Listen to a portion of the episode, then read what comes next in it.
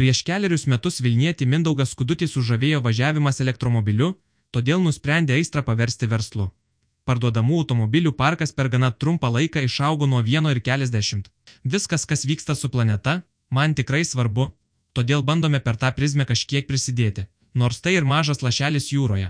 Atviravo jis, automobilių parkas sparčiai auga. Pirmasis elektromobilis atsidūręs verslininko rankose - Nissan Leaf. Kaip juokiasi pašnekovas, tai tikrų tikriausias elektromobilių rinkos etalonas, kuris tiek kokybės, tiek kainos santykių itin patrauklus Lietuvos ir Europos rinkai. Pats Mindaugas vos prieš keliarius metus gan skeptiškai žvelgė į elektrinių automobilių pusę, tačiau pabandęs nesuklydo. Jį sužavėjo važiavimo savybės, dinamika bei ekologija. Kadangi su tėčiu garaže laiką leisdavo nuo mažens ir Vilniuje yra įgavęs transporto inžinieriaus specialybę, jis į elektromobilius vertina iš techninės pusės, tačiau yra susirūpinęs ir ekologija. Kaip sakė kalbintas verslininkas, kai tik parduodama preke ir ji tave žavi, darbas tampa tikrų malonumu. Dauguma vairuotojų vis dar tokie skeptiški, tačiau verslininko užduotis visas abejonės įsklaidyti ir papasakoti, kuo gali pasitarnauti aplinkos neteršintis transportas. Avižieniuose esančioje parduodamų automobilių įmonėse Vėtradė aikštelėje vis daugėja transporto priemonių.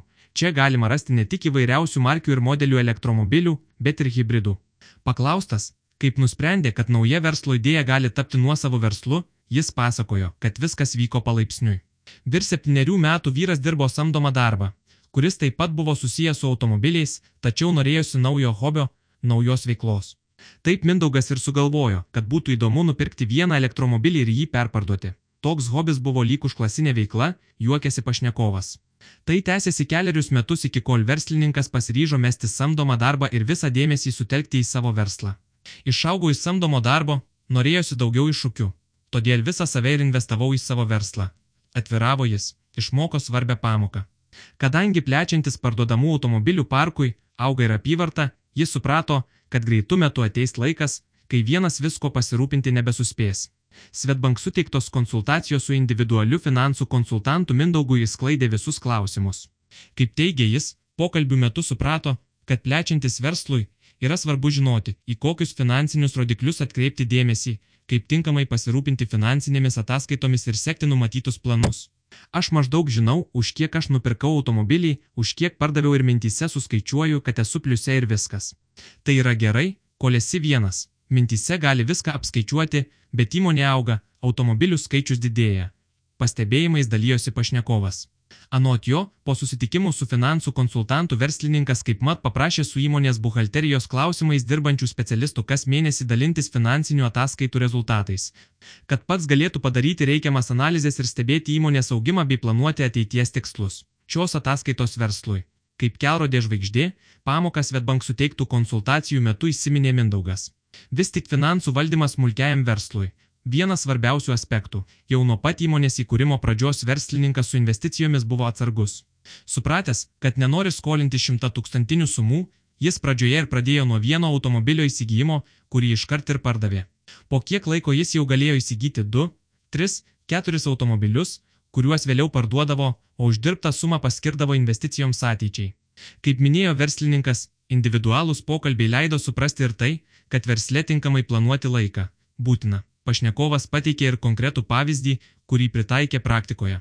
Jei anksčiau nupirktą automobilį remontuodavo, nuplaudavo ir tvarkydavo skirtingose švaros centruose remonto vietose, dabar elgesi kitaip.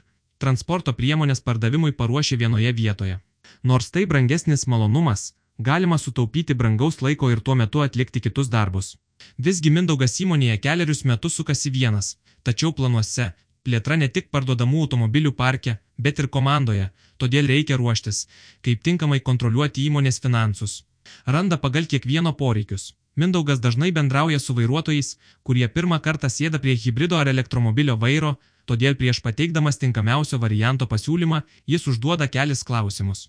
Pirmiausia, reikia žinoti, kiek kasdien norima nuvažiuoti kilometrų. Daugelis mano, kad jei du kartus į metus planuoja nuvažiuoti prie jūros, bet kasdien nuvažiuojam vos 20 km, reikia suprasti, kad jei rinksitės automobilį, kurio didesnė baterija, permokėsite. Nors tai galėtų būti pigesnis automobilis, kuris mieste pilnai patenkintų poreikius. Ar yra logiška permokėti? Kalbėjo verslininkas. Taip pat Vilnietis atkreipė dėmesį, kad nemažiau svarbus ir pats automobilio dydis. Jei yra augintinis, Ieškoma erdvesnio automobilio su didesne bagažine, jei yra vaikai, norima daugiau vietos ant galinės sėdynės. Nors šiuo metu pirkėjai savo į didesnius pirkinius žiūri kiek atsargiau ir juos įsigyja dėl ekonominės ir geopolitinės situacijos, pastebima, kad elektromobilių ir hybridinių automobilių rinka plečiasi. Žmonės vis dažniau pagalvoja, ar nori dėtis dar vieną kilpą dėl lizingo automobiliui, kai paskolos įmokos už būstą irgi auga. Daug ateina ir tokių, kurie perka dėl to, kad turi saulės elektrinę ir turi elektros energijos perteklių, kurį reikia išnaudoti.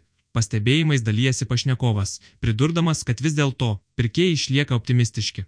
Kalbėdamas apie pačias populiariausias elektromobilių markės, jis paminėjo, kad į šį sąrašą įeina Kia, Hyundai, kurie dabar yra pakilime ir duoda į kaulus vokiškoms markėms. Tačiau vienas optimaliausių elektromobilių pasirinkimų - Nissan LF, o iš hybridinių automobilių parko - Toyota Prius.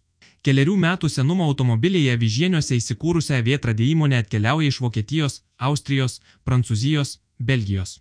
Kainos čia prasideda nuo 20 tūkstančių eurų, tačiau atsisakius aukštesnių lūkesčių, galima rasti automobilį ir už 14 tūkstančių eurų. Mindaugas siūlo surasti ir iš Europos parvežti automobilį pagal individualų kliento užsakymą. Taip pat čia galima pamiršti ir dar vieną galvos skausmą. Vyras siūlo seną automobilį atpirkti. Automobilio atpirkimas yra skirtas pirkėjui palengvinti elektromobilio įsigijimo procesą. Jei klientas turi senesnį automobilį ir nori atsinaujinti, tai kad jis pats nevargtų ir nereikėtų pardavinėti automobilio, mes jo automobilį įskaitome kaip pradinį įnašą.